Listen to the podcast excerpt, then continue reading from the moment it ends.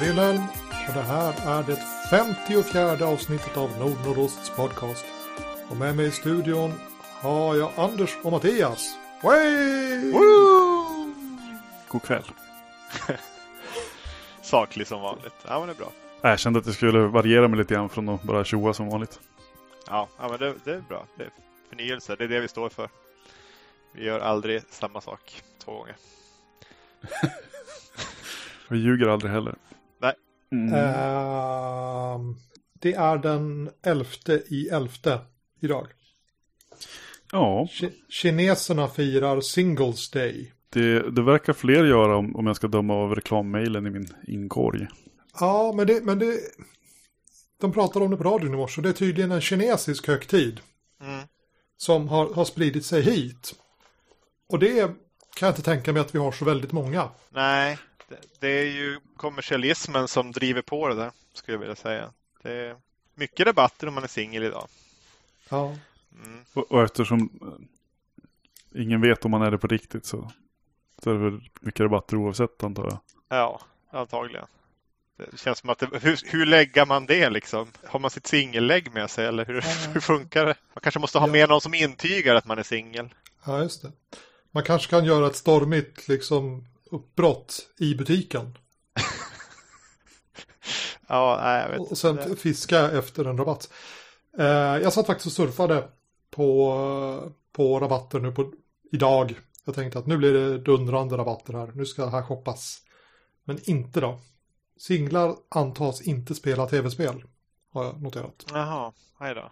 Eller så, så var det då eftersom jag inte är singel. Att det var därför jag liksom inte hittade dem. Att man måste ha som så här singelögon för att fånga dem.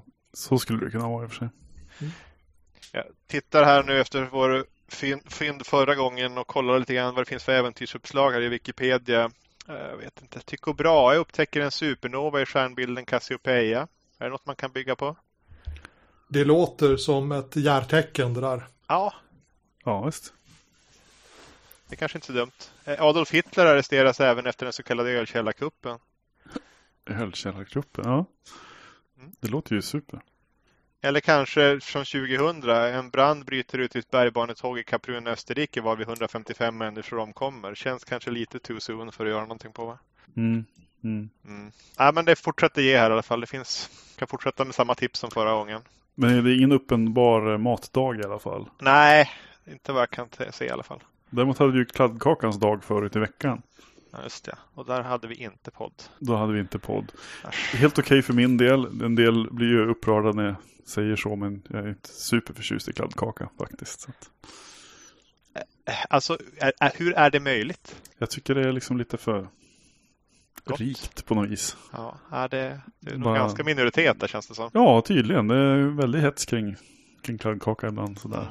Lite grann som jag vet inte, jag dricker ju inte öl heller eller sådär. Så. Ja, ja. Mm. du går miste om mycket. Mm. Och samtidigt då försöker man, vara, försöker man upp, berätta om folk om, om hur fint det är med den rätta sortens julmust. Men då verkar det som att folk inte förstår hur viktigt det är istället. Konstigt. Vi kanske kan ha en liten specialinslag där när vi börjar närma oss julavsnittet. Att du får orera lite grann om, om julmust. Alltså vi kan göra klart det här redan nu. Det är Soinert som gäller. Eh, Nygårdas eh, har legat på romtunna helt okej. Och så fanns det en duvenkrok där det var. På systemet i fjol. Mm. Som om möjligt var ännu mindre söt än Soinerts. Som kanske då är en eventuell ny vinnare på toppen. Liksom. Oh, spännande. Mm. Så att du går och kolla om den finns i år också. Mm. Inte säkert. Jag har ingen aning faktiskt. Jag hade inte sett den förut. Så att det var den flaskan vi fick tag på i fjol. Den liksom. Mm. Men nu när vi har skakat av oss allt, alla utom de mest trogna följarna kan vi se om vi kan komma in på själva podden. Eller? Jag tycker jag tillhör vårt värdeord mys. Ja, eller Ja. hur? Va? Ja, ja, absolut. Jag noterade att de nu säljer glögg på Ica. Ja. Mm, det är stort. Då är man inne i spelsäsongen på riktigt.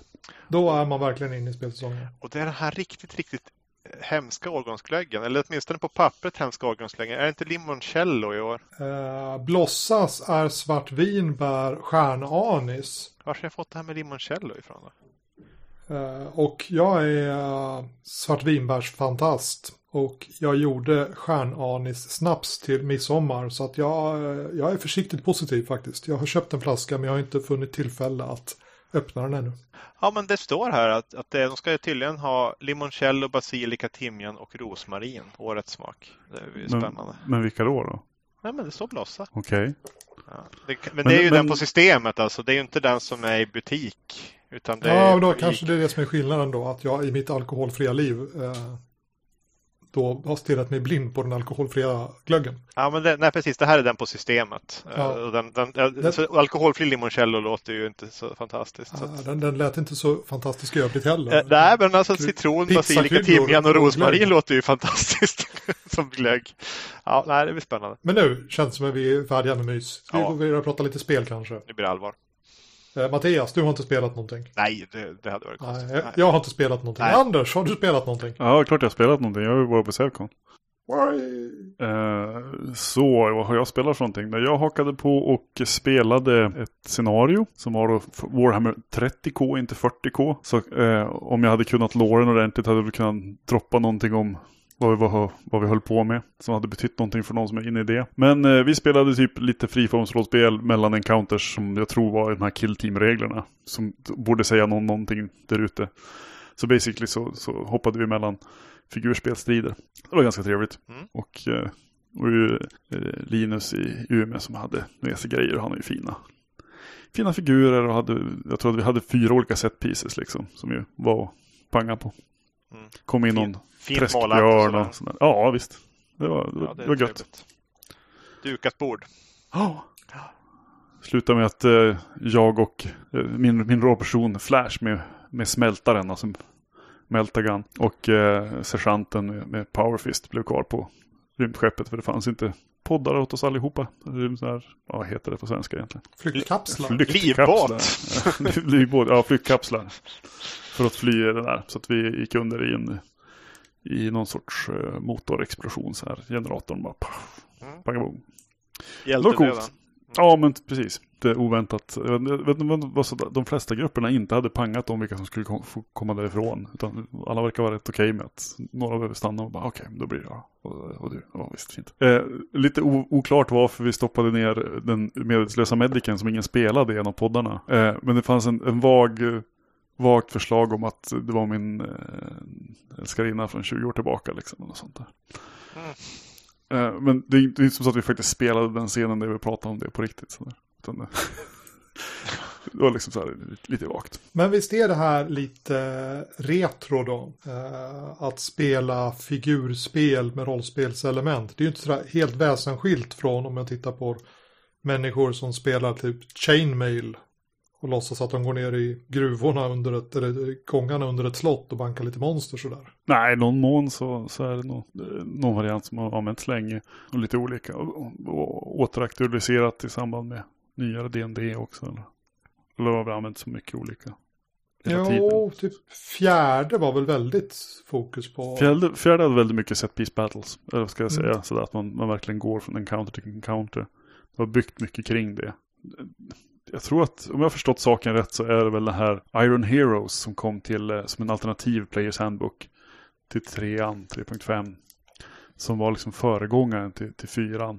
Eh, och där samlar man på sig lite poäng för att kunna göra olika saker. Det fanns ganska många olika klasser och allihopa klasser var in, inriktade på att man ska göra någonting schysst i en fight. Det fanns lite stuntregler och grejer. Och jag tror att det liksom är föregångaren till, till fyran för det var Mike Merles som hade gjort det där också. Och fyran blev väldigt mycket så. Mm. Och det är väl folk som både spelar femman så också den delen. Så fort man ser någon som drar fram eh, riktigt, cool, eh, eh riktigt coola eh, miniatyrer och, och liksom något typ litet diorama att spela på så går de lite grann efter de där grejerna. Att de bygger mot en specifik scen.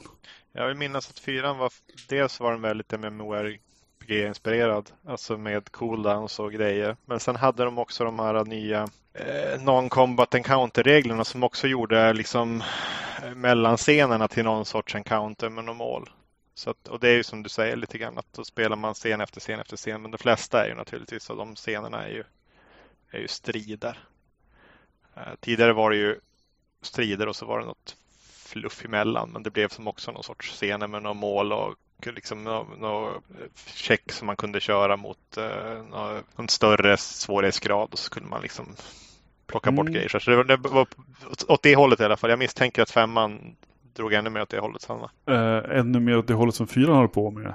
Nej, inte Eller det va. Det Nej, var för en liten, liten reboot. Men jag har så otroligt dålig koll på femman så jag kände att jag, för att, för att ändå vara en podcast där vi är väldigt, var ofta och eh, gärna på, på halt, halt, hal is så kände jag här att jag tror jag backar lite grann. Jag har väldigt, väldigt dålig koll på femman faktiskt.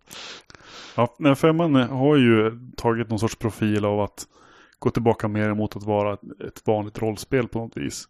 Ehm, samtidigt som det är omöjligt. DND har sina DND-ismer. Det är en särskild typ av grej liksom.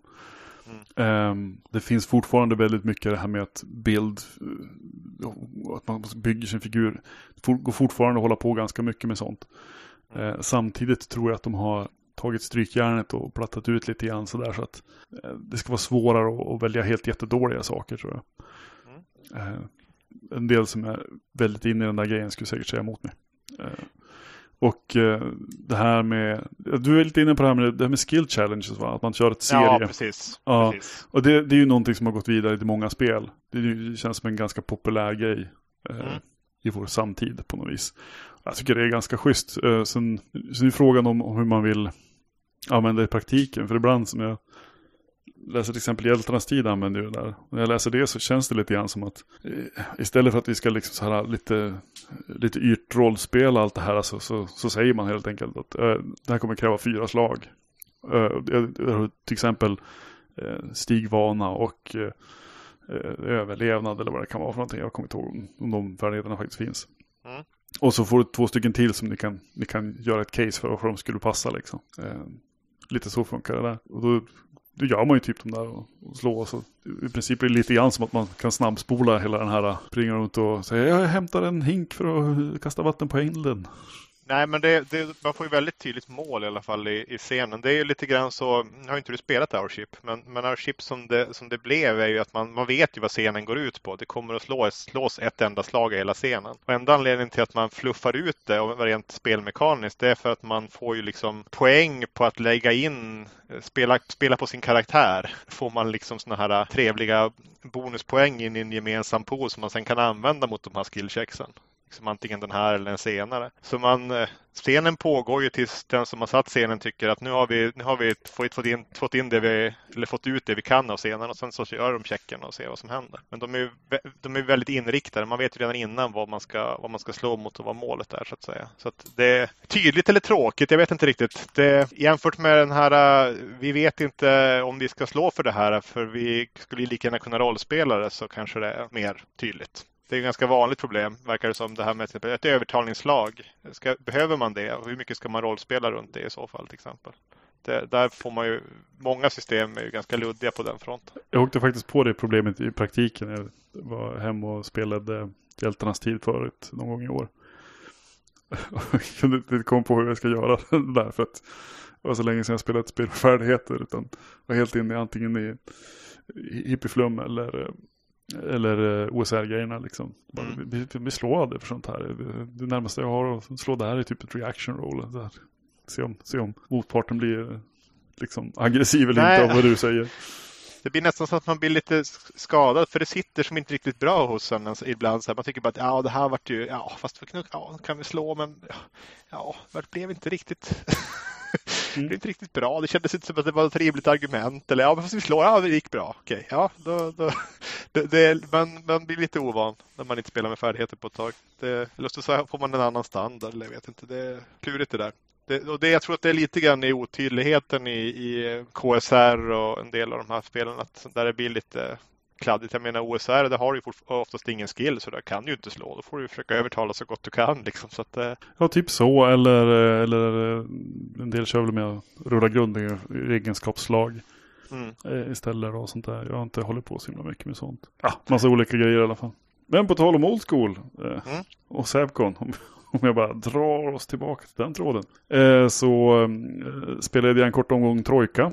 Eh, där vi drog iväg på en karta som vi hade ritat på plats i princip. Eh, kvällen innan. Och eh, jag står fast där jag stått förut med Trojka. En del, eh, en del yrar över initiativsystemet som det häftiga. Jag yrar över att det är bakgrunden som är det coola. Mm man rullar och får någonting. Så vi hade en eh, någon sorts nyckelmästare som har så mycket nycklar på sig så att det räknas som en ganska ordentlig rustning.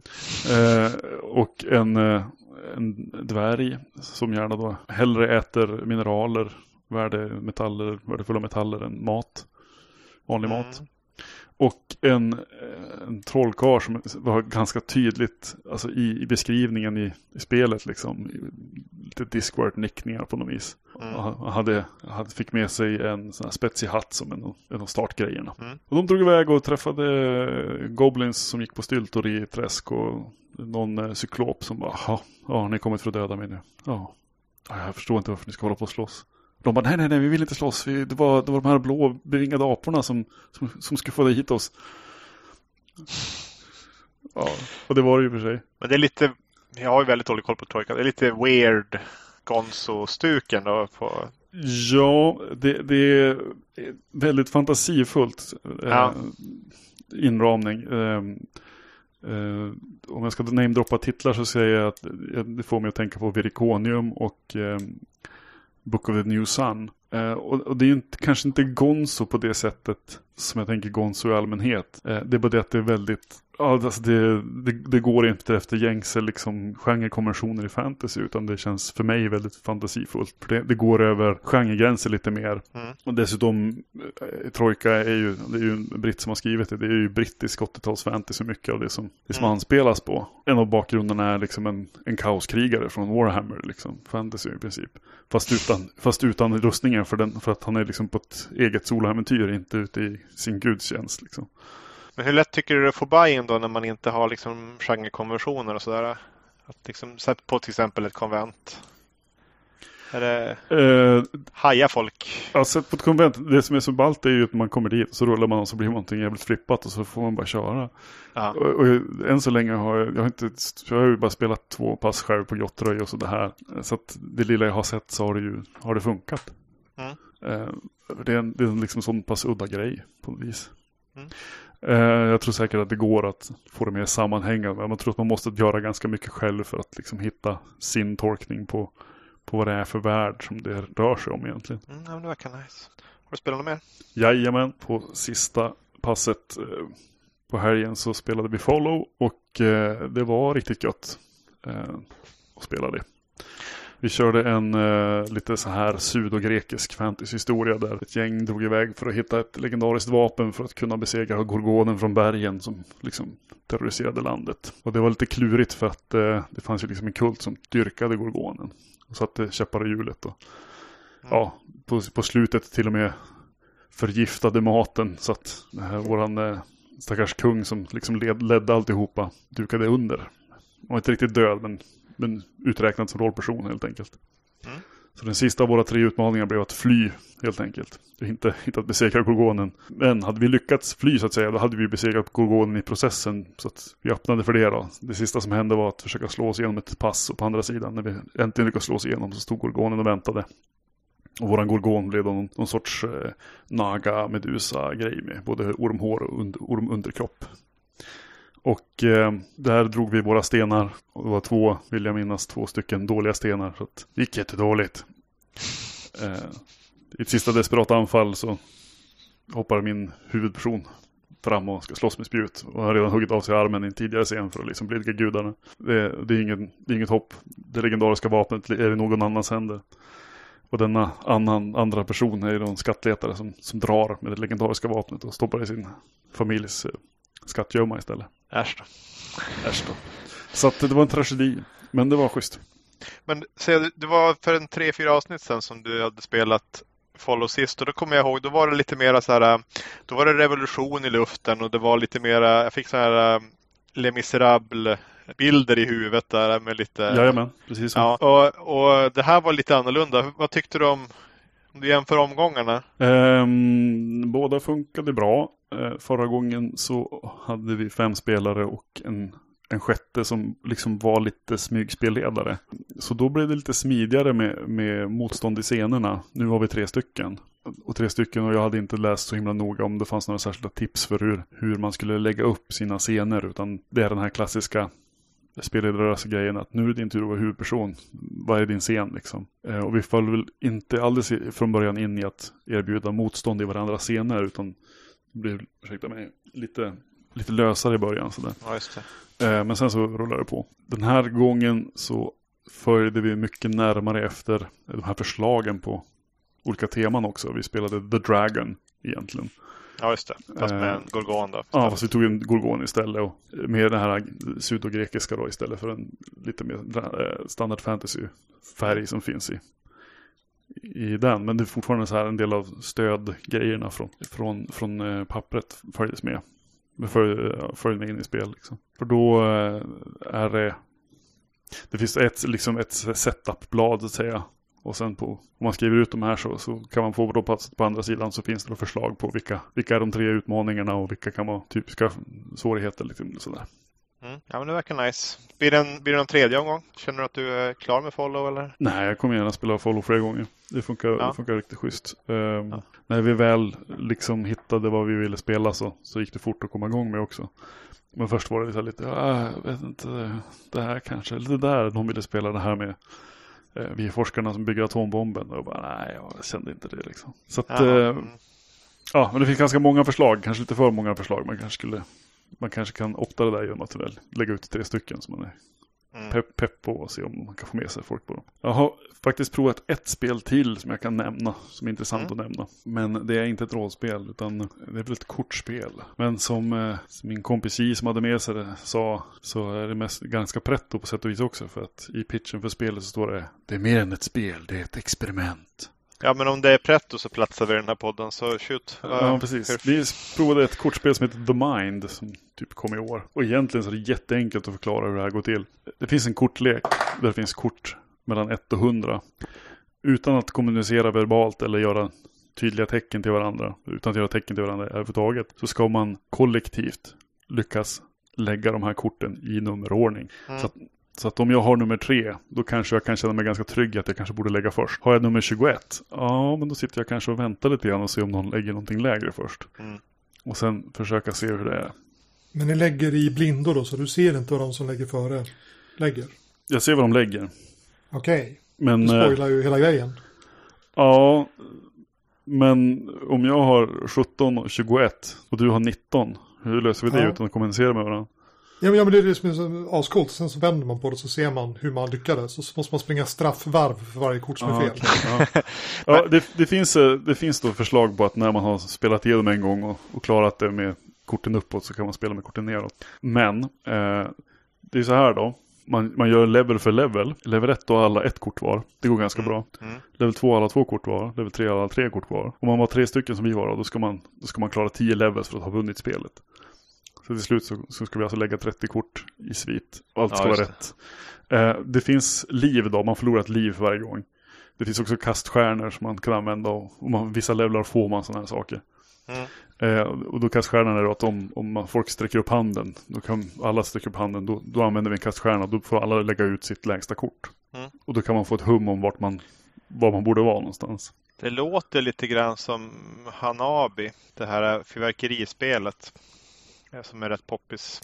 Mm, jag har inte som... provat det, men det nämndes mm. någonstans i, i förbifarten också. det är rätt likt. Eh, man får lite mera hint för man kan, man kan se från folks beteende eh, hur de passar och sådär. För där måste man som gå i ordning runt antingen passa eller och då får man. Det, det är lite som ett system att man tar av en gemensam pool varje gång man passar.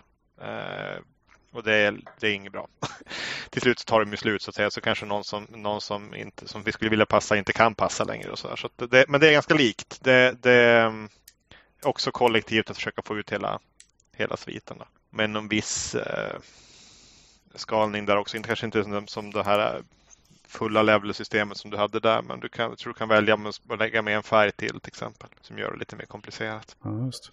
Men det är jag kul. Ja, jag tror att vi kom upp på level 8 i alla fall. Så att första, okay. gången, första gången vi testade så då, då pajade vi direkt på, på level 3 tror jag mm. men, eh, men sen så tog vi oss till level 8.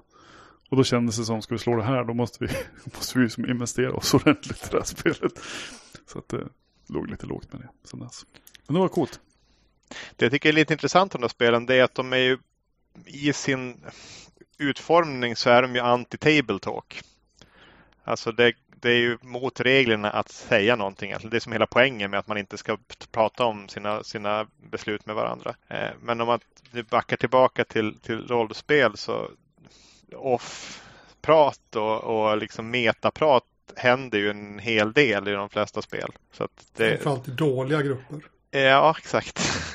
Eller ja, ett otydliga spel kanske kan vi säga. Eh, alltså det, det, är ju om, om ett spelet tillåter att du pratar om spelets premisser inne i spelet på ett väldigt bra sätt så kan du slippa det där med metapratet. Men annars så, så är det ju det är lätt att det blir så om det inte spelet är utformat för liksom att, att ta, ta tillvara på det där.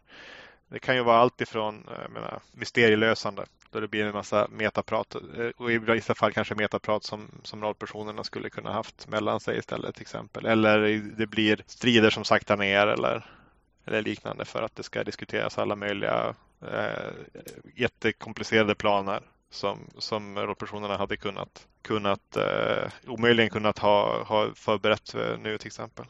Men det finns väl en del spel också som liksom hela det här eh, planerandet är en grej. Visst är det, ja vad heter det heist-spelet nu då som jag tappar namnet på? Uh, Shadowrun.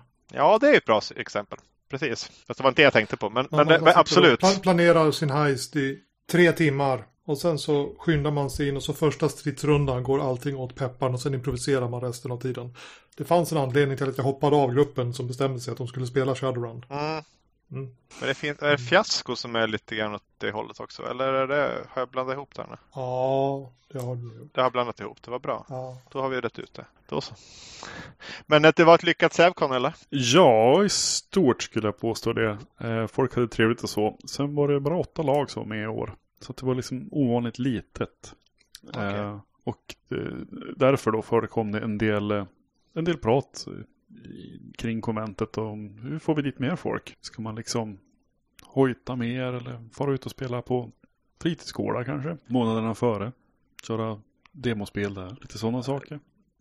Åtta lag, sett det i perspektiv, vad brukar det Det brukar vara några lag till i alla fall och varje lag är ju fyra, fem personer så att det, rätt, det brukar vara tre eller fyra lag till i alla fall så är det ju liksom 20 pers.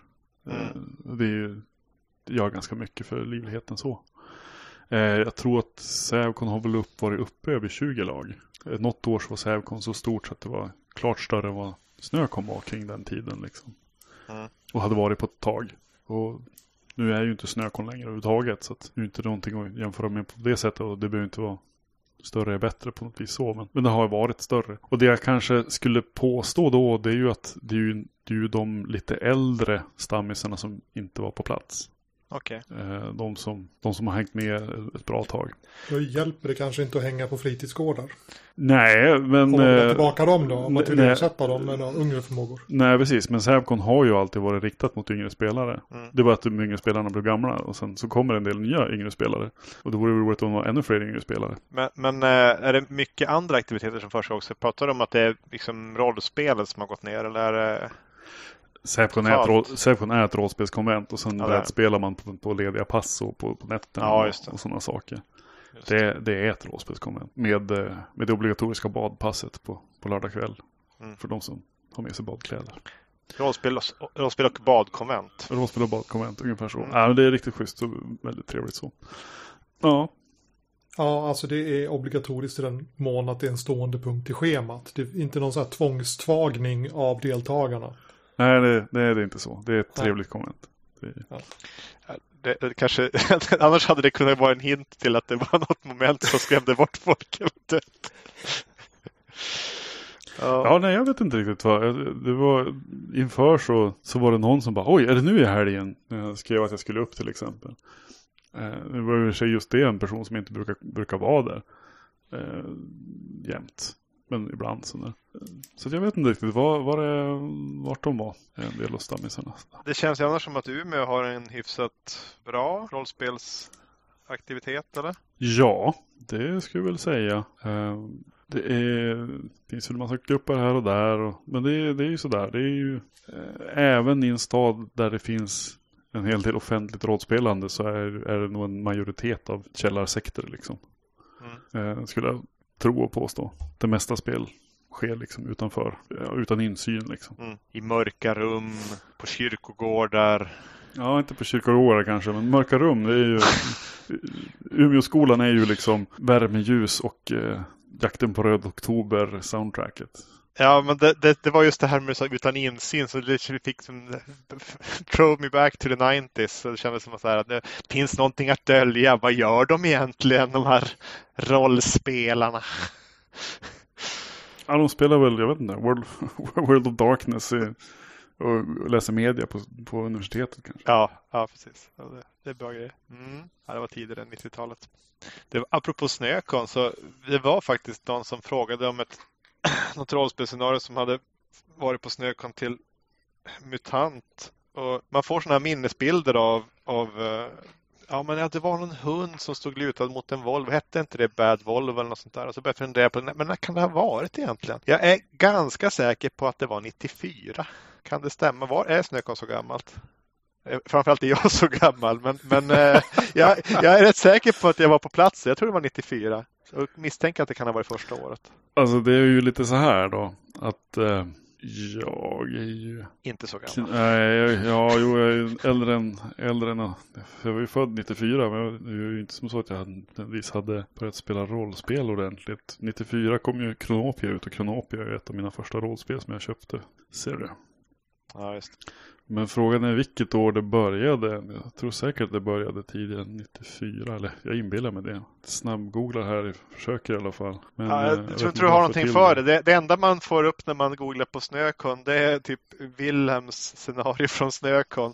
Och det är nog antagligen för att jag har någon fantastisk filterbubbla och en väldig hänga på Wilhelm. Men, men det, det, är väldigt svårt att hitta någonting annat än det här en låda för mycket. ja, det, det kom upp ganska fort här. Men... Ja, men du är nog också i bubblan tror jag. Mm. Tyvärr. Mm. Det, det kanske någon annan som är, som är lite mera utanför bubblan kan få googla det. Kan hitta alltså, men det är ju inte så. Inget. Pratar vi 94 så är det inte så jävla säkert att Snökon hade en hemsida. Utan det fanns en folder. Nej. Pappersfolder som, som uh, gjorde en runda på något vis kanske.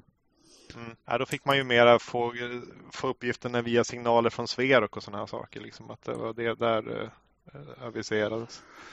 Så det är ju det är ett tag sedan. Ja, men visst. Jag tänkte att jag skulle säga då, Osverök firade ju jämt alldeles nyss. Jag eh, såg om det på Facebook. Vad, vad fyller det? Ett... Ja, jag, jag, tänkte säga 20, men det kan ju inte stämma om det var 94. Nej, nej, nej. Nej, nej dit... det måste vara längre. Jag var dit och åkt, åt tårta på eh, Tekniska museet eh, för att Sverige fyllde 30. Eller fyllde ja. 30 år. Det var en fin tårta som inte var jättegod. Och det var, vi var där och tjuvtittade på en schysst utställning eh, som kanske hette Play Beyond Play. Så att vi provspela det här eh, roliga co-op-spelet Overcooked. Som då tyvärr inte gick att spela via nätet tydligen. Ja, mm. eh, men, det, men, det, är roligt. Oj, oj. Men det, det var skojigt. Innan, innan vi fattade hur vi skulle kunna samarbeta och alla, alla gjorde varsitt, alla gjorde alla steg liksom i i processen för att laga de där lök och tomatsopporna istället för att vi samordnade oss. Ja, det var skojigt. Eh, mycket annat roligt att titta på där också. De har, hade ett exemplar av någon tidig superdator där också som stod där som ett coolt, jag vet inte, som ett häftigt modellbygge från någon sorts eh, Judge Dredd diorama eller någonting sånt där. Och bara, wow, coolt, det är, det, det, det är så här megacity-kvarter liksom. Mm -hmm. Men det var inte det, det var en, det var en dator med lite extra lysdioder i, för det såg fränt ut. Fantastiskt. Alltså inför detta, detta avsnitt så frågade jag i Facebookgruppen vad ska vi prata om? Mm. Eh, och vi fick några förslag. Jag tänkte att vi ska avhandla dem summeriskt nu då bara så att vi har sagt någonting om det nu när folk har gjort sig besväret att skriva saker. Mm, mm, mm. mm. Eh, I tur och ordning. Hur man konstruerar och gestaltar intressanta och minnesvärda spelledarpersoner. Eh, och för att vi ska diskutera detta lägger jag på ett villkor. Mm. Man ska exemplifiera med en spelledarperson som man inte har gjort själv utan som man har upplevt i någon annan spelledares äventyr. För att då är den ju uppenbart minnesvärd. Mm. Mm. Jag kan inte komma på en enda. Så att jag är klar. Men menar du att det inte går alltså? Eller bara att du inte vet hur man nej, gör? Jag, jag vet inte. Jag, ni kanske har spelat med bättre spelledare än vad jag har. Jag kan som, ja men alltså vi hade en, en skurk i det där äventyret. Jag kommer inte ihåg vad han hette, men, men han var skurkaktig liksom. Ja, vi har haft några allierade till rollpersonerna liksom sådär. Ja, det var ju kul att gaffla med dem då, men äventyret handlar ju inte om spelledarpersonerna. De är ju som bara statister. Det delas inte ut några Oscars eh, med statyetter för bästa grip liksom. Nej, det hör ju till saken då att, att, att jag och Wilhelm har spelat ihop och han inte minst några av mina spelade personer. Så det är ju, det är ju tufft. Eh, men det var en kort kampanj. eh, ja, det, där, det har, man har ju definitivt spelat mer än man har spelat märker jag ju eh, här. Det är lätt att komma på de egna spelade personerna som man tyckte var trevliga. Mm. Och som spelarna, mm, uppsk som, som, som, spelarna uppskattade. Ja, det, det precis. Det blir, det, men jag tycker det är, det är en bra premiss det här. Uh... Jag halkade också direkt in på ett eget, eh, eget exempel först och sen så kom den här regeln. Då bara okej, okay, vad ska jag tänka på nu då? Hmm, fallet Slark på, på Sävcon 2007. Ja, ja, ja mm. André som spelade gjorde bra, bra dialekter. Ja, just det. Ja. det dialekter är inte SLP. Okej, okay, Issy Lill då som var med. Okej, okay, men henne hittade jag typ, typ på som min kontakt. och sen spelar de andra upp det som, som, en, som en potentiell kärleksrelation som inte jag hade tänkt på att det skulle vara. Så det blev ju minnesvärt, men det var ju inte konstruerat så att säga. Utan det uppstod. Nej, Så att, då var vi tillbaka där då. Eh, men det fanns typ en, en cool Eh, Eh, handlare som hade liksom utposthandeln när vi spelade Nara Makaris ruiner. Kommer inte riktigt på vad hon hette eller sådär. Men hon åkte flygande matta tillsammans med Magnus Visa i alla fall. Det var, så det var, det var liksom lite fränt. Det var som en dejt. Ja. Jag, jag, jag, tänker på vi spelade Medan världen går under.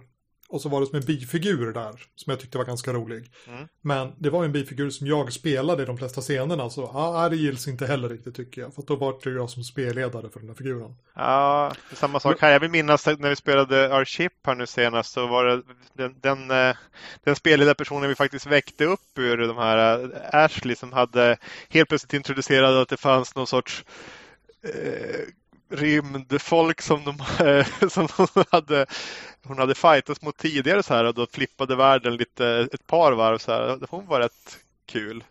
Eh, men alltså det är ju inte, det, är, det finns ju en anledning till att de är spelledarpersoner. Va? Det är ju inte så där sjukt spännande. Eh, kan vi, kan vi få skjuta in ett litet allmänt tips då? Till hur man får, får det minnesvärt. Ja, ja, Ett litet. En, en, som en tangent då. Som en tangent kan, kan man kanske ge ett litet tips. Jag tycker att de spelade var, personerna som... Ja, jag kan ge var precis. uh, jag tycker att de spelade personerna som faktiskt uh, gör någonting är de som vill någonting. Alltså, så, jag tror det är väldigt svårt att komma ihåg de som har liksom window dressing, men de som faktiskt hade en agenda eller ville, ville göra någonting och att, liksom, att det påverkade spelet på ett intressant sätt. De tror jag är lite lättare att komma ihåg än, än de som bara är där för att det behövdes en världshusvärd eller det behövdes en handlare eller det behövdes en statsvakt eller en kapten eller vad det nu är för någonting. Så att någon sorts motivation att de faktiskt, faktiskt jobbade efter den tror jag kan vara hjälpa eh, om det ska, ska, vara någon som är minnesvärd för, för spelarna. Medhåll, mothugg? Uh, nej, men jag håller med. Ja, det låter väl bra. Eh, själv tänker jag säga, gör en lustig röst. Mm, bra. Så lustig röst och tydlig motivation. Jag fyller väl på med ett då. Gör en spelledarperson som har en koppling till rollpersonerna och är återkommande. Mm. Mm. En spelledarperson som swishar in och ut ur handlingen under 15 minuter. Även om den har en rolig röst så är den liksom sannolikt bortglömd. Man kanske kommer ihåg att spelledaren lät roligt, men man kommer inte ihåg varför spelledaren lät roligt. De som... Eh... Snackar du skit om mitt tips? Ja, nej, men, nej. nej, men, nej, men det kan vara en rolig röst. Eh, ett, ett bra tips till att om man ska hålla en rolig röst. Eh, det kan vara lite svårt att komma ihåg vilken röst det är. Eh, ja, jag, jag, har ett tips som, som, eh, för, på, som jag börjat använda på senare tid. Det är att, att basera, åtminstone i mitt eget huvud, personerna på någon sorts verklig kändis. Mycket lättare att hålla, kolla konstant röst då till exempel. Det, och det, det, blir ganska, om man tar lite, lite krystade kändisar så kan man få ganska roliga kombinationer också av liksom roll i handlingen plus mystiska maner som dyker upp från, från ingenstans. Det kan bli ganska spännande kombinationer där. Så det kan vara ett tips till att, till att spicea upp dem lite grann. Att ta liksom eh, någon, eh, någon eh, ja, men Jimi Hendrix eller Rick, eh, Kurt Cobain eller Le Leif GW är ju tacksam. Han kan ju spela nästan alla roller. Ja, jag tänkte just på GW faktiskt. Ja, ja men han kan komma in var som helst. Och det är väl mest snarare med GWs fall är det så här att ett annat tips är att inte överanvända Leif GW Persson-rösten eh, till alla. Nej, spara den till, till drottningar till exempel. Ja, precis. Men det, drottningar och prinsessor är, gör han ju med fördel till exempel. Det är ju lite grann av hans. Men det är, så, det är lite givet och taget. Ja. ja. Vi rullar vidare. Eh, Hans undrar, eh, han vill höra allt om trollkarlstorn. Trollkarlstorn är coola. Man kan absolut ha med trollkarlstorn i allt man spelar. Kanske inte i varje spelmöte men i varje tänkt värld så kan det absolut finnas trollkarlstorn. Valbart om detta torn också är ett rymdskepp som har kraschat. Ja, sannolikt är det ett rymdskepp. Jag var på väg dit. Eh, men det måste ju inte vara så. Nej, det måste inte vara så. Det kan ju vara folk som har byggt eftersom de kända trollkarlarna bor i kraschade rymdskepp och har då härmat och byggt sina torn. Mm. Ja, jag har, jag, har, jag har kört inverterat torn någon gång också. Det här med att det, det kraschar en, Ja, precis. Det kraschar en komet och sen bygger man uppåt istället så man täcker ut. Man täcker liksom kratern mm. istället. Då får du ett inverterat torn istället. Så kan du ha något spännande längst ner istället. Mm. Mm. Ja, det är bra. En trollkarl till exempel. Mm. I, troj, I Trojka så är ju Tower Wizard specifikt en entry i, i, liksom i motståndardelen. Så. Eh, Max undrar vilka som ska vara med. Det har han fått svar på. Uh, han vill också ha en genomgång av en massa indiespel. Uh, tips, lyssna på avsnitt 0. Där pitchas det en massa indiespel. Mm. Uh, John vill höra av pyssel. Har det pysslats något? Um, jag funderar lite grann på vad man skulle kunna... Jag har ju, jag har ju ett gäng barn. jag funderar lite grann på hur man skulle kunna kombinera ihop det här. Kan man göra stentroll och rollspela med dem sen? Absolut. Det är ju rätt mysigt. Jag tänker mig också, det finns ju Fuzzy Heroes är ju så här, äh, stentroll kanske alltid definitionen till Fuzzy Hero.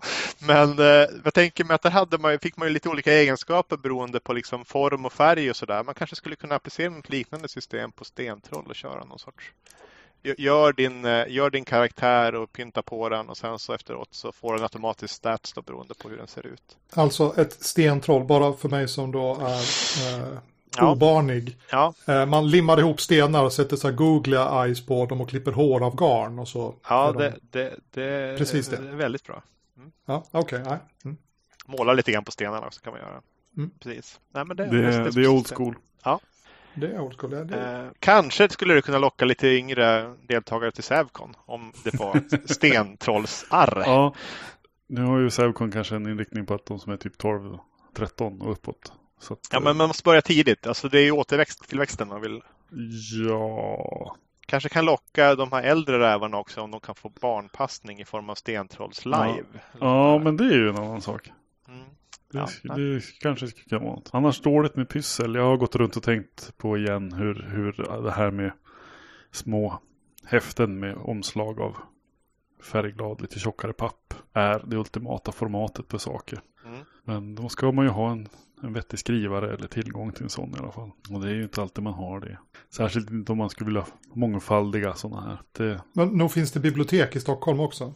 Ja, visst gör det det. Och eh, tre kronor för tryckt sida kan en A4 kosta. Minsann. Ja, precis. Så att eh, det blir dyra, dyra häften. Det finns ju sådana där Eh, jag vet inte, kommer ihåg vad de heter, men man tar ett A4 och sen så klipper man som en, en springa i mitten och så viker man så får man ett åttasidigt häfte. Ja, just ja. Jag har sett en del jänkare som gjort lite sådana saker. Jag har mm. aldrig varit riktigt het på den här, den, just den biten, biten och den sortens vikning faktiskt. För att om du gör den dubbelsidig så kan du liksom ha spelarboken och sen så är man spelledare så kan man vika upp den och vända och sen så trycka ihop den igen. För att det som fram och baksida på pappret blir liksom synligt osynligt. Wow. Ja, jag vet inte. Jag, vet inte. jag, jag gillar, ska det vikas och vara A4 till exempel, då, då gillar jag den här som jag stal till mina orakel och minisettings. Där jag har orakellistan på insidan. Det är uppvikt papper. Viker man ihop på mitten då, då får man så att man har namnlistor och lite sånt där inuti så att säga. På framsidan är det bara en framsida och på baksidan så är det då eh, settingen i punktform ungefär. Mm. Eh, stulet i upplägg efter att ha sett en gotländsk kyrkokarta. Mhm.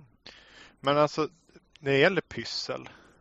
eh, Alltså rollspelsmässigt. Det finns ju en hel del spel där man ritar tillsammans. Eller att man åtminstone typ ritar karta eller eh, relationskarta eller någonting tillsammans. Men alltså är det så mycket? Finns det något spel att man liksom verkligen pysslar ihop? Warhammer-gruppen föreslog att vi skulle måla våra tennsoldater medan vi spelade.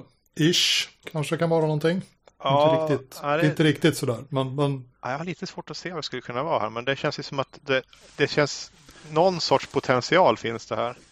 Jag tänker att luk- lukten av den akrylfärgen och eventuellt smaken om man är en sån där som, eh, som formar penseln i munnen, vilket är traditionellt bland Warhammer-spelare. Eh, skulle ju förhöja immersionen förstås. Ja, vänta, nu har jag det. Nu har jag det. Nu har jag det. Eh, Alltså pärlplattor. Go on. Ja, alltså, men det är ju det ultimata pysslet. Och det är liksom, liksom pixligt och grejer. Så här. Borde man inte kunna bygga något system där man har någon sorts mekanik runt att folk bygger pärlplattor tillsammans? Eh, Man kan bygga ett system, men nu var det kanske frågan om det kan, kan man bygga något bra system av det här? Ett system kan man alltid bygga. Epidia Rabachol har gjort ett spel som heter Time and Temp. Mm. I vilket det är centralt att det finns en 10 gånger 10 stor matris eh, där man då eh, bokför sina paradoxer. Man, time and temp, man är tidsresenärer. Mm. Eh, den skulle man kanske, den här matrisen skulle man kanske kunna göra pärlplattor och sen så eh, sådär stryka ihop när man är klar. Ha den till minne av sitt Ja, lyckade eller misslyckade tidsresande. Ja, men tänk dig så här, man, man drar en pärla och så får man placera den på valfri plats på pärlplattan och så händer det någonting utifrån det. Ja. Ja, elegant. Eh, jag återkommer i frågan. Ja. Uh, pysselbutiker är ju annars bra att fynda prylar till när man spelar rollspel. Sådana här glaspluppar Mm. Alltså när det är glas, kan man då... ja, glaspluppar, pysselbutiker möjligen. Annars skulle jag säga eh, framförallt när det går på någon sorts hemdekorationsavdelning. Ja, Kolla någonting som ska ligga tillsammans med, med ljus eller sten eh, eller fuskblommor eller sånt där. För de är mycket billigare än spelgrejer. Även, ja, det var- det var dit jag ville komma. Att det är Mm. billigare att köpa sådana som inte är avsedda för spel. Ja, precis. Eh, och jag, jag, tror att, jag tror att de är billigare om de är avsedda att inte användas till annat heller, jag på att säga. Eh, jag tror att pysselbutikerna, om de har dem, kommer de också vara. Ja, nej, men heminredning har de de här, de här färgade glasstenarna som man ska ha typ i krukor och sånt där. Mm, snyggt, precis. Liksom. Ja, de är typ billiga, billiga. Eh, Check. En annan John eh, ber om eh, tips hur man lockar folk till Sävcon. Eh, Ja, det, vi, vi har konstaterat problemet kanske. Ja, nej men alltså, eh, herregud, jag är vi- vit patriark. Eh, det är inget problem. Nej men alltså, ett, ett, ett konvent blir inte större med sin storlek. Nej, sant. Eh, skulle jag vilja hävda. Vad, hade ni några kvalitetsproblem i år, Anders? Eller var det fantastiskt hög kvalitet rakt igenom? Eh, det fanns för lite salsa till tacosen. Det, det var väl mitt tydliga kvalitetsproblem. Eh, men, Ja. men tänkte du spelmässigt? Ja, spelmässigt. Nej, jag vet inte. Folk verkar ha haft roligt. Ja, men då, inget problem då. Vi går vidare. Och Lukas får gärna återkomma här, för han har någon plan på att man ska rosta soppa. Alltså du ska Eh. rosta, rosta paprika och göra soppa på den.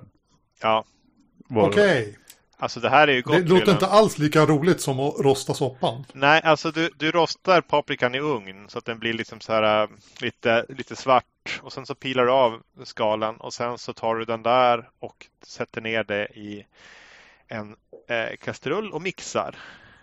Och då får du en liten här lite nötiga paprikan. Istället för att den, Okej. den blir lite mindre söt av behandlingen. Okej. Ja, det låter inte alls lika coolt som att rosta soppan. Eh, Har du någon I- fantasi? Alltså inte i, bröd, inte i brödrost alltså. Du kan tillägga det här att det, det ska alltså inte ner i brödrosten. Har du någon fantasi om hur det ska gå till att rosta en hel soppa? Nej, nej, alltså jag hade hoppats, men eh, det är sant. Man, kan ju läsa orden sådär, att man har rostad paprika och så gör man soppa på den då. Mm. Ja, för, för det är en grej. Liksom. I soppan. Ja. Ja, just det. Mm. Järntillskott sådär. Ja. Alltså jag har gjort massor med äpplen i ugn sista tiden. Ätit med vaniljglass. Mhm. Det är the shit. Det är årstiden nu. Och är man som dubbeldekadent så rör man ihop eh, mandelmassa med russin och smör. Och kanske eh, en gnutta whisky om man råkar ha en. Och stoppar inuti de urkärnade äpplena. Och så kör man det i ugnen tills det är mumsigt. Mm. Eh, tips. Eh, men vi har ett ämne för dagen också. Och vi har typ minus tre minuter på oss att prata om detta. Och detta ämne är OSR är problemlösning för spelarna. Vad är KSR? Eh, vi kanske har lite bakgrund till det här. Mm. Beroende på vad man spelar för spelstil så gör spelare och spelledare lite olika saker. Och en av kärnorna i OSR brukar sägas vara att det är player skill. Mm. Eh, James Ruggie som eh, ligger bakom Lamentations of the Flame Princess. Han eh, gick eh, nyligt på Google Plus ut på och belackade folk som gav sina rollpersoner namn till exempel. Eftersom det är inte intressant. Det intressanta är eh, alltså player skill, att man övervinner labyrinten på något vis. Och det är som centralt i OSR då. Och vi lunchade jag och Mattias och började prata om vad KSR gör.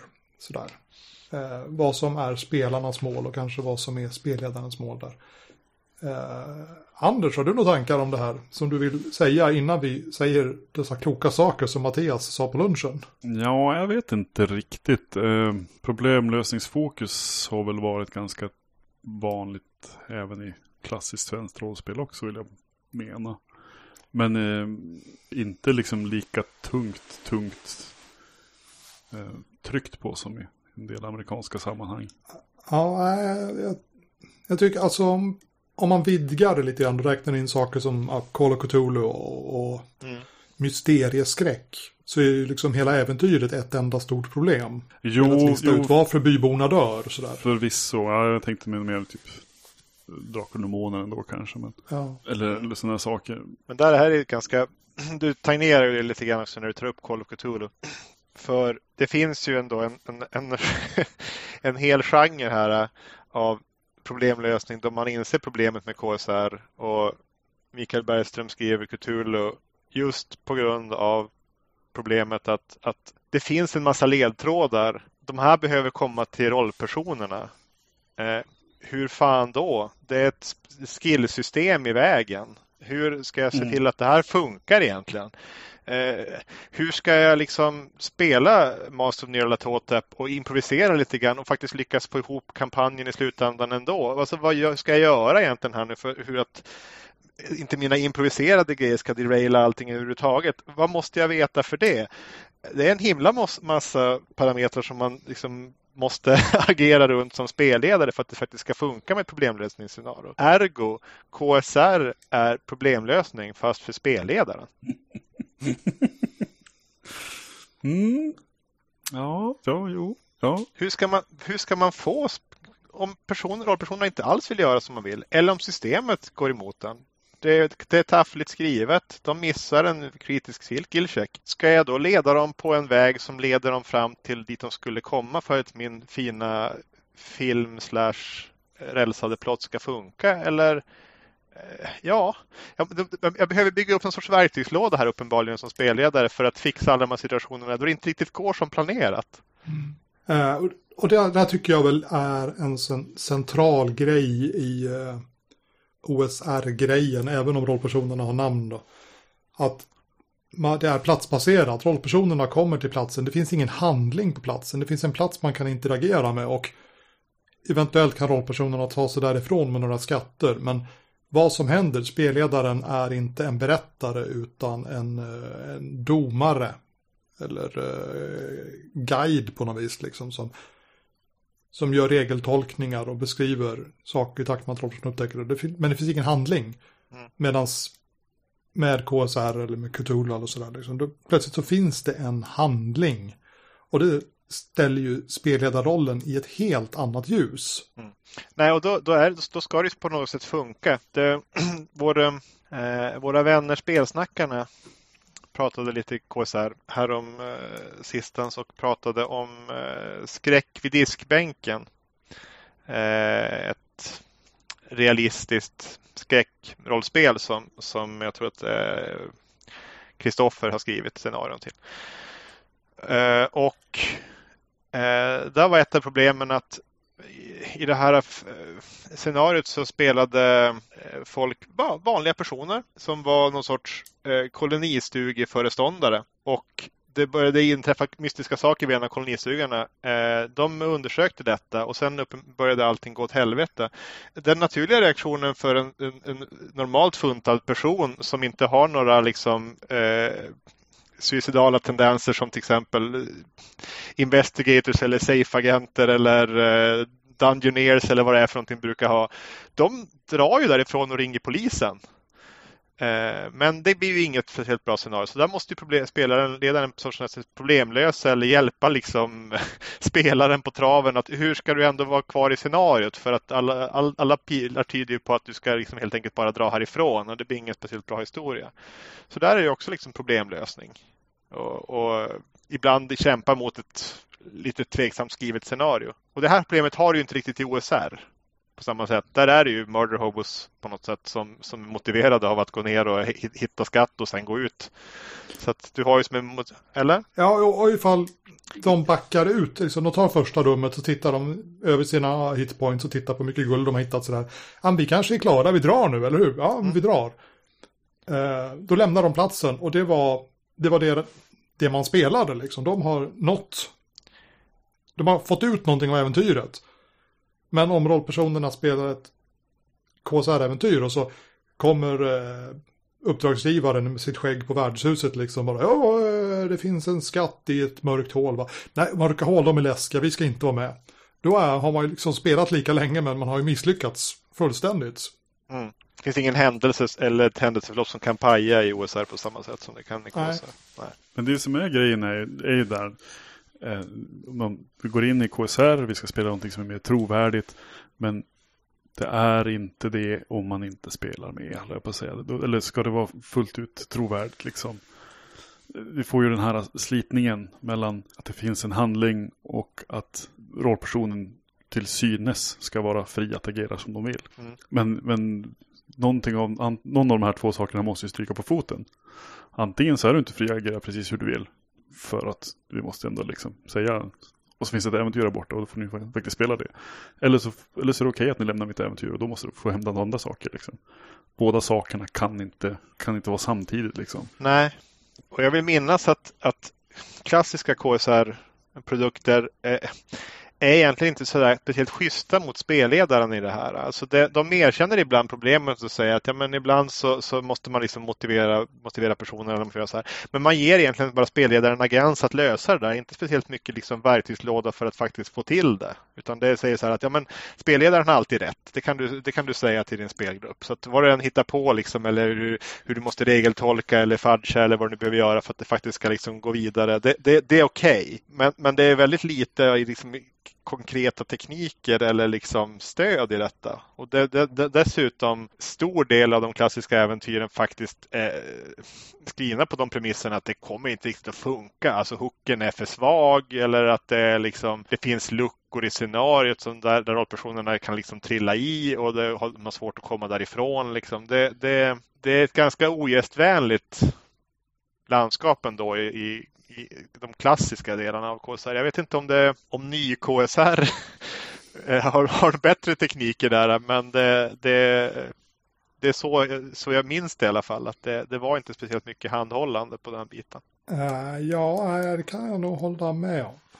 Uh, när jag har kört KSR-grejer, andra människors äventyr, uh, sådär, så har jag ju känt mig för alltså känt att jag var tvungen att fuska på något vis som spelledare. Att inte följa reglerna därför att vi är inte här för att simulera rollpersonernas äventyr. Utan vi är här för att berätta rollpersonernas äventyr.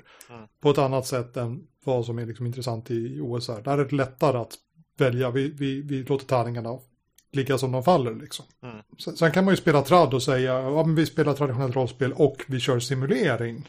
Typ Rollmaster ADHD, eller liksom, ja, den, den, den periodens spel. Mm. Eon.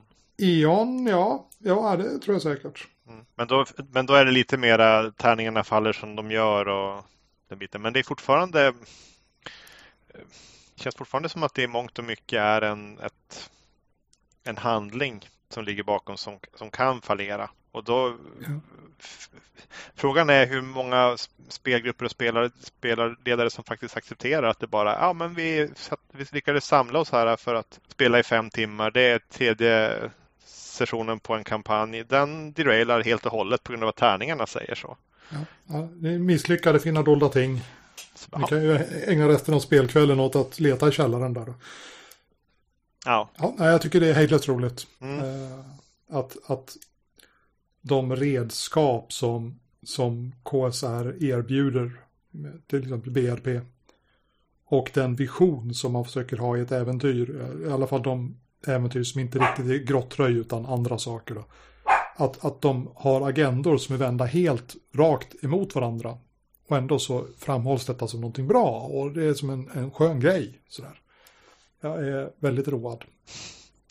Ja, nej, det... Själv tycker jag att det är lite, lite jobbigt jag kommer tillbaka till det där som jag i, i fjol eh, spelade lite Saga till exempel. Och du behöver inte rulla tärning särskilt ofta för att reglerna gör ju ingenting av det som är intressant och intresserad av att göra nästan. Förrän någon eventuellt vill slå på någon liksom. Eller eventuellt någon faktiskt till slut säger Finns det några spår? Yes, äntligen någonting där. Men så länge ja, mycket av det andra så går liksom bara utanför på något vis. Och då kommer jag inse igen den här frustrationen över varför jag har valt andra spel sen. Liksom. Mm. Nej, men jag tror det var en stor anledning till att jag började dra mer åt fisktankshållet också. För att en fisktank är ju per automatik något mer robust oftast i händelseförloppet än vad, än vad ett, alltså ett KSR-scenario är. Just i och med att det, alltså det blir någon sorts driv ändå. Det kanske inte blir exakt den historien. Det är inte tänkt att det ska bli exakt den historien heller. Utan det, det finns ju en, en ram, ramhandling oftast som men då finns det en dynamik. Det, finns eh, personer som kan agera. Man, det finns lösa delar. Istället för att det finns en, en, vad ska jag säga, en tidslinje eller en nästa scen är här, nästa scen är här. Och eh, för det är det jag tänkte lite grann. Jag tänker titta på en del eh, eh, ett till exempel till, till fantasy, utropstecken. Mm. Så har ju de varit skrivna på, på någon sorts halvtraditionellt så här senare 80-talet, DND, äh, Drakar Demoner eller Maner. Bara, när spelarna har gjort det här, det vill säga det sista paragrafen, liksom, hur slutar äventyret? När spelarna har besegrat, ungefär, så kan de göra det här eller det här till exempel. Och bara, mm. det, står det så i slutet på, på äventyret, då är jag i regel inte intresserad av att spelare liksom, eller spelledare. För att då, då är det skrivet på ett sätt som, så att jag inte har någon större nytta av det. Nej, alltså det, det där är ju också ett dilemma när det gäller just alltså den, den, traditionella formen på konvent är ju alltså KSR eh, scenariobaserat och där har du ju fem timmar på dig att knyta ihop säcken och det, på grund av detta så är det ju oftast ett, ett, ett händelseförlopp, ett antal eh, mindre scener, inte så mycket eh, stora skillnader i de flesta, flesta konventsäventyren. Där. Men det är ju en, då blir man ju istället tvungen att liksom verkligen hålla in och skriva tätt. Alltså skriva en tät handling som inte har så mycket luckor i sig eller så mycket ställen där det faktiskt kan gå snett. Eller göra som Call of Cthulhu var. Att det står Call of Cthulhu i uh, spelfoldern men när man kommer dit så är det fri form. Mm, precis. Och, och, då har man ju på något vis sagt att vad tärningarna säger är inte så intressant utan spelledaren är här för att vara sagoberättare mm. och lotsa oss igenom en eh, historia. Och, och där är, blir ju dessa eh, mysterier och, och, och gåtlösningar och berättelsen som ska vara som en bok. De blir mycket lättare att få till där. Mm. Jo, nej, men det är, det är ju som två problemkategorier. Det ena är ju alltså den slumpen som introduceras av, av spelsystemet som kan gå åt fel håll för att berätta en bra historia. Det andra är ju liksom rena missar eller luckor eller eh, ja, att det finns väl väldigt många scenarion som derailar eh, eh eh ja, men till exempel, säg, säg Drakar och Demoner och magiska föremål till exempel. Det, det, det förutsätter ju i många fall att, att inte rollpersonerna kommer dit med liksom allt för eh, distraherande, disruptiva prylar liksom, som bara derailar liksom grundpremisserna i scenariot. Ja, men ni kan flyga, ja, det var ju inte bra för det här scenariot specifikt. Vi har en flygande matta, ja det, det ändrar ju det blir inte en särskilt bra historia det här om det här scenariot gick ut på att långsamt kliva upp, klättra upp för berget. Liksom. Det, blir inte, det, det, blir inte riktigt. Man kan, man kan eh, möjligtvis göra någon sorts sån här cruisa runt där och titta på alla, alla problem som man skulle kunna råkat på när man skulle klättra upp för berget där som någon sorts turistattraktionsrider. Eh, eh Men det blir inte kanske riktigt det man var ute efter. Så, Åh, titta där är ett gäng med orcher som ligger i bakhåll. Ja, okej, ja, spännande. Ja, här är bara, oj, det här träsket hade varit jobbigt. Oj, oj.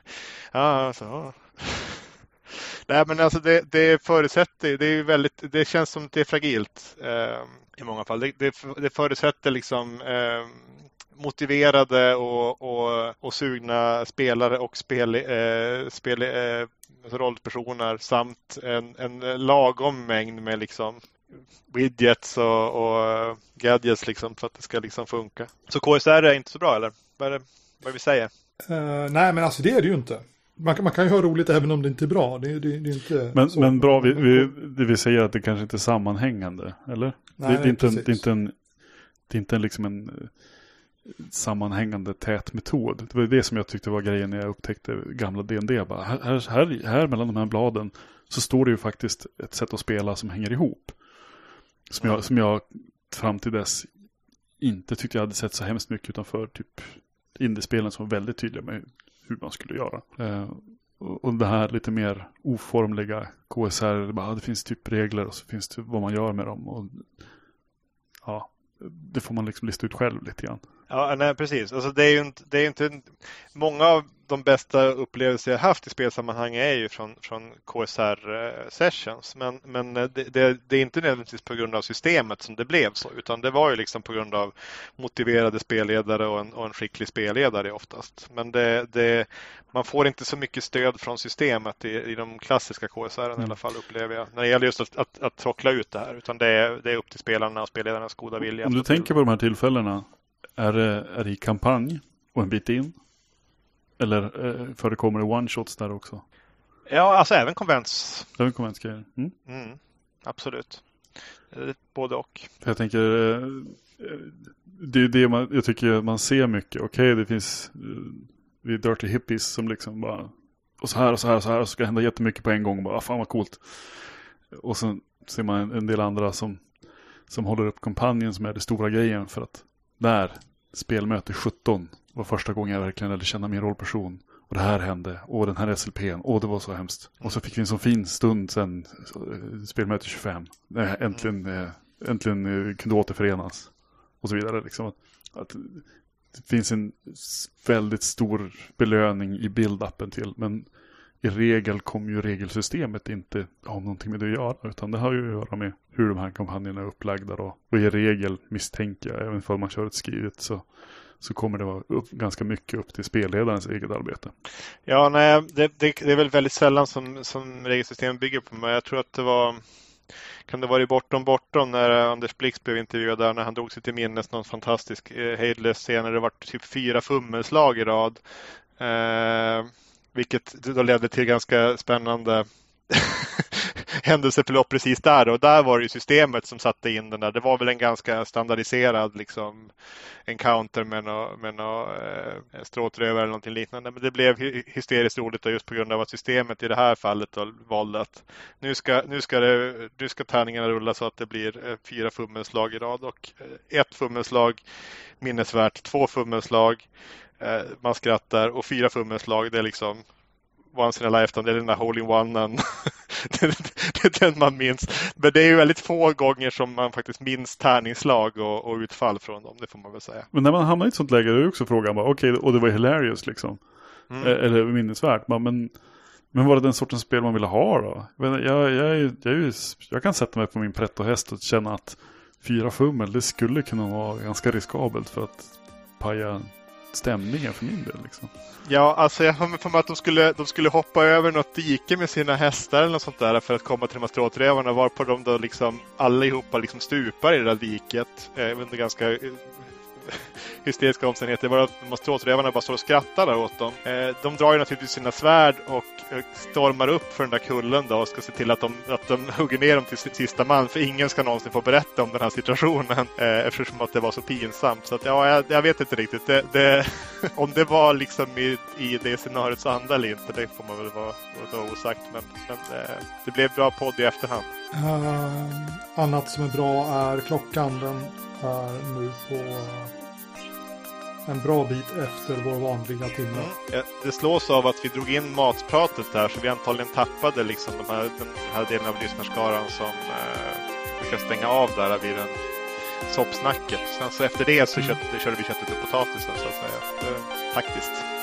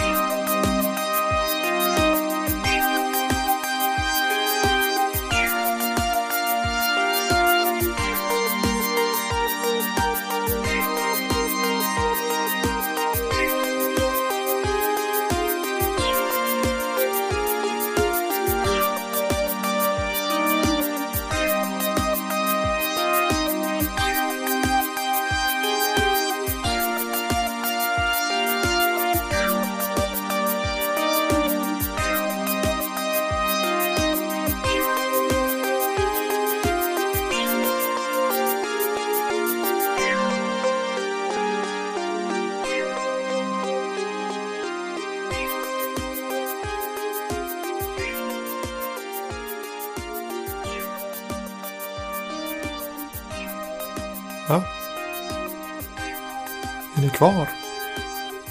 Avsnittet är slut. Gå hem med er. Tjo. Det blir inget mer. Slut. Bort. Va? Mer? Nej, det blir inget mer. Jag tror det är dags för ett nytt säsongsuppehåll. Nordnordost får eh, vila ett tag och jag får ladda batterierna lite. Jag skulle vilja skriva spel igen och det har inte blivit så mycket av den varan på sista tiden.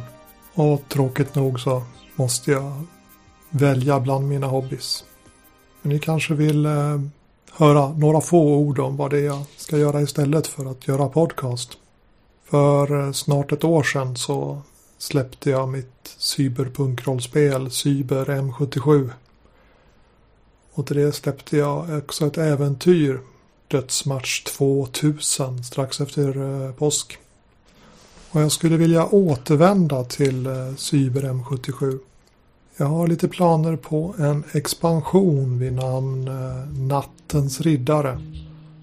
Med detaljerade regler om motorcykelracing och jag tror att tidslinjen har förlupit ungefär tio år från den värld som skildrades i grundboken.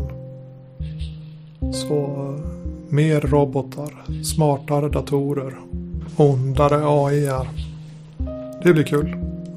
Och så har jag länge gått runt och funderat på att göra ett eh, gnostiskt nutidsskräckrollspel och ställa det ovanpå OSR-regler och se vad det blir för eh, kombination egentligen när det blir klart. Jag har eh, skrivit lite grann redan. Jag har gjort en eh, omslagsbild. Spelet heter KUF och jag tror att det kommer att bli någonting väldigt, väldigt annorlunda när det väl blir klart. Så som sagt, det dröjer lite grann tills ni får höra mer av Nordnordosts podcast. Men för all del, gå med i gruppen på Facebook och håll öronen öppna ifall det kommer något mer.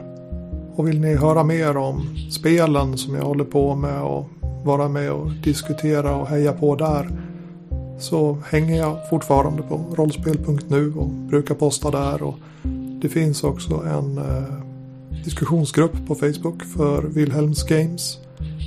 Det är bara att haka på där och vara med och diskutera med de andra. Men nu är klockan sen. Och jag har suttit och redigerat i timmar. Så nu säger jag godnatt.